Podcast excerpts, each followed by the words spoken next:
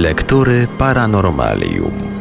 Dziś w naszych lekturach zajrzymy do jednej z najważniejszych polskich publikacji o tematyce ufologicznej. Będzie to pierwszy tom książki Goście z kosmosu, nieznane obiekty latające, autorstwa Lucjana Znicza, wydanej w 1983 roku nakładem Krajowej Agencji Wydawniczej. Na antenie w odcinkach zaprezentujemy rozdział ostatni, opisujący najciekawsze obserwacje obiektów UFO na przestrzeni wieków. Są jeszcze co najmniej dwie dalsze wieści, które jak czerwona nić raz po raz przewijają się wśród poczerniałych, zmurszałych już zwałów dawno minionej historii. Wieści tym dziwniejsze, że obie mówią już nie o tajemniczych światłach czy powietrznych tarczach, lecz o ludziach lub istotach do nich podobnych. Oto Agobard za czasów Karola Wielkiego arcybiskup Lyonu pozostawił rękopis Według Guide de la France Mysteries z roku 1964 znajduje się on dziś we francuskiej Bibliotece Narodowej, mówiący o tym, iż był on świadkiem linczu trzech mężczyzn i jednej kobiety. Wzburzona tłuszcza dostrzegła podobno, że te cztery osoby przybyły do miasta powietrznym statkiem i oskarżyła je o to, iż są emisariuszami wysłanymi przez księcia Beneventu, Grimoalda, z zadaniem zniszczenia poprzez uroki zbiorów zbóż i winnic francuskich. Agobard stwierdza, że pojmani w Lyonie ludzie byli najwyraźniej obcy i wskutek niezbadanych wyroków losu ci nieszczęśliwi byli do tego stopnia szaleni, że zachowywali się jakby byli czarownikami. Według tej wersji Motłoch ich zamordował, a ciała zamęczonych zostały przymocowane do desek i wrzucone do rzeki. Kiedy to się działo? Jak brzmi praca Agobarda, w której ten niezwykły zaiste wypadek on opowiadał? Na te pytania odpowiada W.R. Drake w swej pracy Spaceman in the Middle Age, czyli kosmonauci w wiekach średnich. Otóż powtarzając na ogół niezmienioną wersję Guide de la France Mysteries, stwierdza on, że rękopis Agobarda nosi tytuł De Grandin and Tunitois, czyli o gradobiciach i piorunach. Sam zaś wypadek miał miejsce w Lyonie w roku 840. Karol Wielki jednak zmarł w roku 814. Czy arcybiskup Lyonu przeżył nawet jego potomka? W roku 840 umiera właśnie syn i następca tronu Karola Wielkiego Ludwik Pobożny? Czy też informacja z pierwszej wersji, że Agobard był arcybiskupem Lyonu za czasów Karola Wielkiego nie jest ścisła? Ale nie te pytania wbrew pozorom są najważniejsze. Jeszcze istotniejszy wydaje mi się problem wyjaśnienia dwóch zagadkowych sformułowań wersji pierwszej. Co to znaczy, ludzie byli najwyraźniej obcy i zachowywali się jakby byli czarownikami? W poszukiwaniu odpowiedzi na te pytania dotarłem do jeszcze jednej wersji tegoż wypadku, przytoczonej tym razem przez Jacques'a Valli, a za nim także przez M.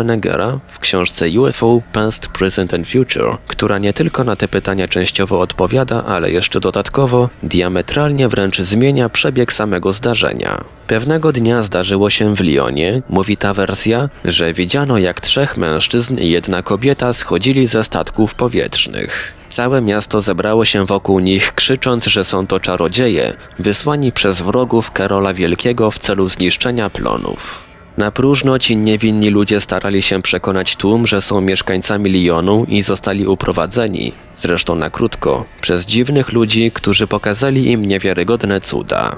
Na szczęście biskup Lyonu ocenił zachowanie tłumu jako błędne, mówiąc, że nie może być prawdą, ażeby ludzie ci przybyli z nieba, a to, co tłum rzekomo widział, jest niemożliwe. Ludzie bardziej uwierzyli biskupowi niż własnym oczom i uwolnili czterech wysłanników ze statku. A więc znów rodzą się nowe, dalsze pytania. Jaki właściwie przebieg miało to zdarzenie? Czy wysłannicy ostatecznie zginęli, czy jednak zostali uwolnieni? Ale i znowu, nawet wbrew zasadom humanitaryzmu, nie te pytania po 11 wiekach od wypadku wydają mi się najważniejsze. Druga wersja wyjaśnia, że byli to rodowici Liończycy, a ich obcość polegała może tylko na innych strojach, a już z pewnością na innym zachowaniu. Jakże jednak w połączeniu tych wersji staje się zrozumiałe stwierdzenie, że byli do tego stopnia szaleni, iż zachowywali się jakby byli czarownikami.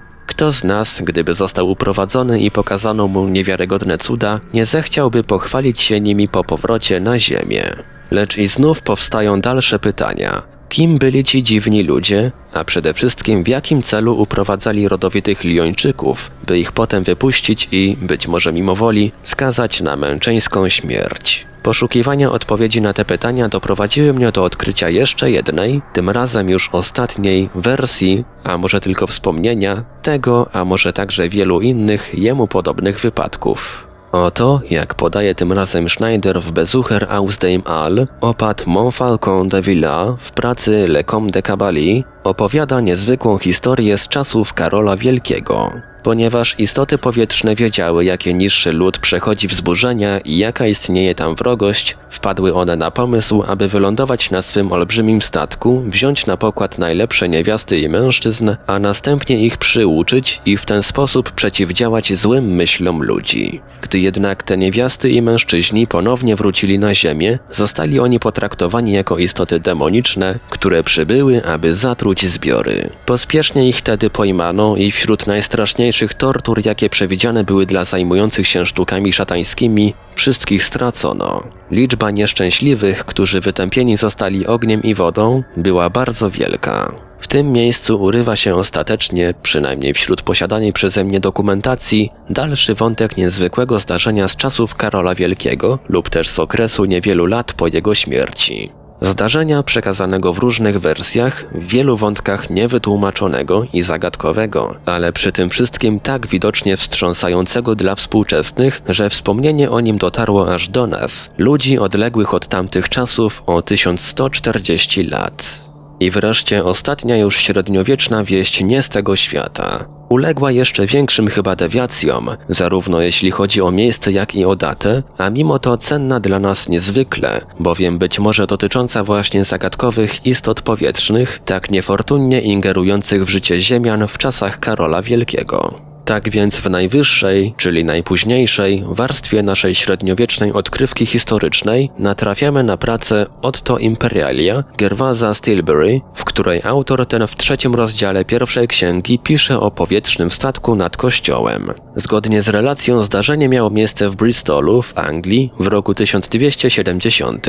Otóż lecący w powietrzu jakiś statek ciągnął podobno za sobą długą linę, na której końcu znajdowała się kotwica. Właśnie ta kotwica kotwica przypadkiem lub celowo zaczepiła o dach wieży kościelnej i w ten sposób zatrzymała cały statek w jego dalszej powietrznej drodze. Wówczas zgromadzony tłum gapiów z przerażeniem ujrzał, że ze statku wynurzył się mały człowieczek, który począł się opuszczać po linie ku ziemi. W pewnym momencie spadł i cały tłum z okrzykami zgrozy rzucił się nań, bowiem był przekonany, że ma do czynienia z demonem.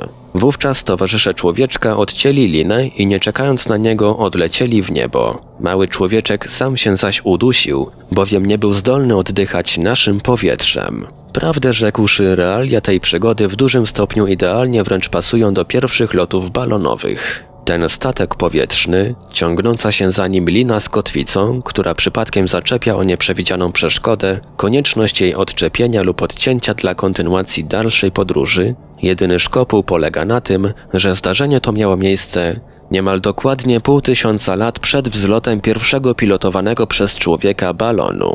Czyżby więc penetrowała nas jakaś cywilizacja, akurat 500 lat wyprzedzająca nas w swym rozwoju? Ale gdy tylko pogrzebiemy nieco głębiej, natrafimy zaraz na następny ślad podobnej historii. Oto Jacques Vallée w pracy Passport to Magonia, powołując się zresztą na Drake'a i Wilkinsa, opisuje taką oto przygodę, która miała miejsce około roku 1211 w Irlandii. Zdarzyło się to w miasteczku Cleora w niedzielę, kiedy ludzie byli na mszy. W miejscowości tej znajduje się kościół poświęcony świętemu Kenerusowi. Nagle z nieba opadła kotwica przywiązana do liny, przy czym jedna jej łapa zaczepiła o znajdujący się nad drzwiami kościoła drewniany łuk. Tłum wiernych wybiegł z kościoła i ujrzał na niebie statek z ludźmi na pokładzie. Widziano także, jak jeden z ludzi wyskoczył z pokładu statku i sprawiał wrażenie, jakby chciał uwolnić kotwicę. Wydawało się, jakby pływał w wodzie. Ludzie pobiegli w jego kierunku, usiłując go pochwycić. Biskup jednak powstrzymał ich przed tym, twierdząc, że mogliby narazić się w ten sposób na śmierć. Człowiek więc został uwolniony i wrócił do statku, gdzie załoga odcięła linę i cały statek zniknął wkrótce z pola widzenia. Tak więc i znów widzimy, że ta druga wersja, zachowując zresztą podstawowy przebieg wydarzeń, zmienia zasadniczo zakończenie całej przygody, a w dodatku jej miejsce i czas. O 69 lat. Ale na tym nie koniec. Publicysta radziecki Władimir Kozakow, nie powołując się zresztą na żadne źródła, opublikował w marcu 1979 roku informację, z której wynika, iż przygoda ta miała miejsce jeszcze w roku 1123 za czasów króla Henryka I zwanego uczonym, jest to najmłodszy syn słynnego Wilhelma Zdobywcy i to w Londynie. W roku tym, według niego, pojawił się nad Londynem statek powietrzny przypominający okręt morski i zarzucił kotwicę w centrum stolicy Anglii. Po sznurowym trapie ze statku zeszli ludzie. Londyńczycy, uważając ich za wysłanników diabła, napadli na nich i utopili w Tamizie. Aeronauci pozostali w statku, odcięli linę kotwiczną i szybko wznieśli się ku chmurom. Nigdy więcej już cudownego statku nie spotkano. Jednak grzebiąc coraz głębiej w historii, można spotkać go jeszcze raz. Tym razem w irlandzkim rękopisie Konungskiga, aż z roku 950. Dla ścisłości powinienem podać, że Frank Edwards w swojej pracy Flying Saucers Serious Business z roku 1966 twierdzi, iż rękopis nosi nazwę Konungs Skuksa i pochodzi z roku 956. Rękopis ten znów wprawdzie wymienia jako miejsce zdarzenia wieś Kloera, a jako czas pewną niedzielę podczas mszy. W dalszym ciągu zawiera jednak szereg dodatkowych szczegółów, które mogą zaszokować najbardziej nawet oswojonych z niezwykłościami ufologii speców. Oczywiście, jeżeli tekst ten jest istotnie dosłownym tłumaczeniem irlandzkiego rękopisu, a nie odpowiednio przyprawioną fantazją przeróbką Herbertsa, który cytuje go w swej wydanej w 1977 roku pracy pod tytułem Begegnungen mit Auser Edition. I tak w momencie, gdy ludzie wybiegli z kościoła, ujrzeli na drugim końcu łańcucha statek, który, wydawało się, pływa na wyimaginowanym oceanie. Opis pływającego po tym oceanie powietrznym statku jest zresztą tak niewolniczo naśladujący swe pierwowzory morskie, że wymienia nawet wiele ich charakterystycznych fragmentów budowy. W ten więc sposób na pokładzie statku ujrzano mężczyzn, którzy wyglądali przez reling, jest to barierka z żelaznych słupków połączonych liną otaczającą brzeg pokładu pokładu, tak jakby obserwowali co się dzieje na dnie toni. Na burcie statku pojawił się członek załogi i wyskoczył na zewnątrz, co wyglądało tak, jakby skoczył do wody. Wokół niego widać było ognisty wieniec promieni. Gdy dotarł do ziemi, wierni go otoczyli, chcąc go uchwycić. Proboszcz jednak zabronił dotykać go, bojąc się jakichś czynów bezprawnych lub przestępczych. Wydawało się, że Nurek nie zauważył, co się wokół niego dzieje. Gdy jego usiłowania oswobodzenia kotwicy nie powiodły się, uniósł się do swego statku w szczególny sposób, wykonując ruchy płynącej żaby. Wtedy załoga odcięła łańcuch, a oswobodzony statek powietrzny odpłynął i zniknął z oczu. Ale zaczepiona u bramy kotwica pozostała przez stulecia i świadczyła o cudzie. Minęły już jednak nie stulecia, lecz tysiąclecie. Nikt nie wie dziś nie tylko gdzie jest kotwica, ale nawet miasteczko czy wieś Kloera. A może w ogóle nie chodziło tu o Kloerę, tylko o Londyn lub Bristol? Tak jak równie problematyczna jest autentyczna data tego legendarnego zdarzenia. Rok 1270, 1211, 1123, 956 czy 950. Nie ulega wątpliwości, że przy tak wielkiej różnicy podstawowych informacji, aż trzy różne miejscowości i aż pięć odrębnych dat różniących się między sobą o bagatela 320 lat, trudno uznać, by którakolwiek z tych niesamowitych opowieści relacjonowała rzeczywiście autentyczne od początku do końca zdarzenie.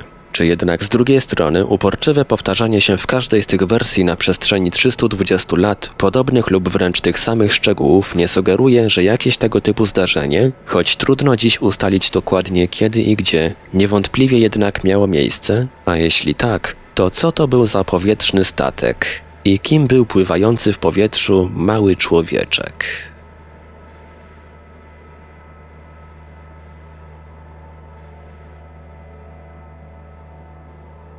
Był to fragment książki Lucjana Znicza Goście z kosmosu, Nieznane obiekty latające, tom pierwszy. Dalszy ciąg w kolejnym odcinku Lektur Paranormalium. Lektury Paranormalium.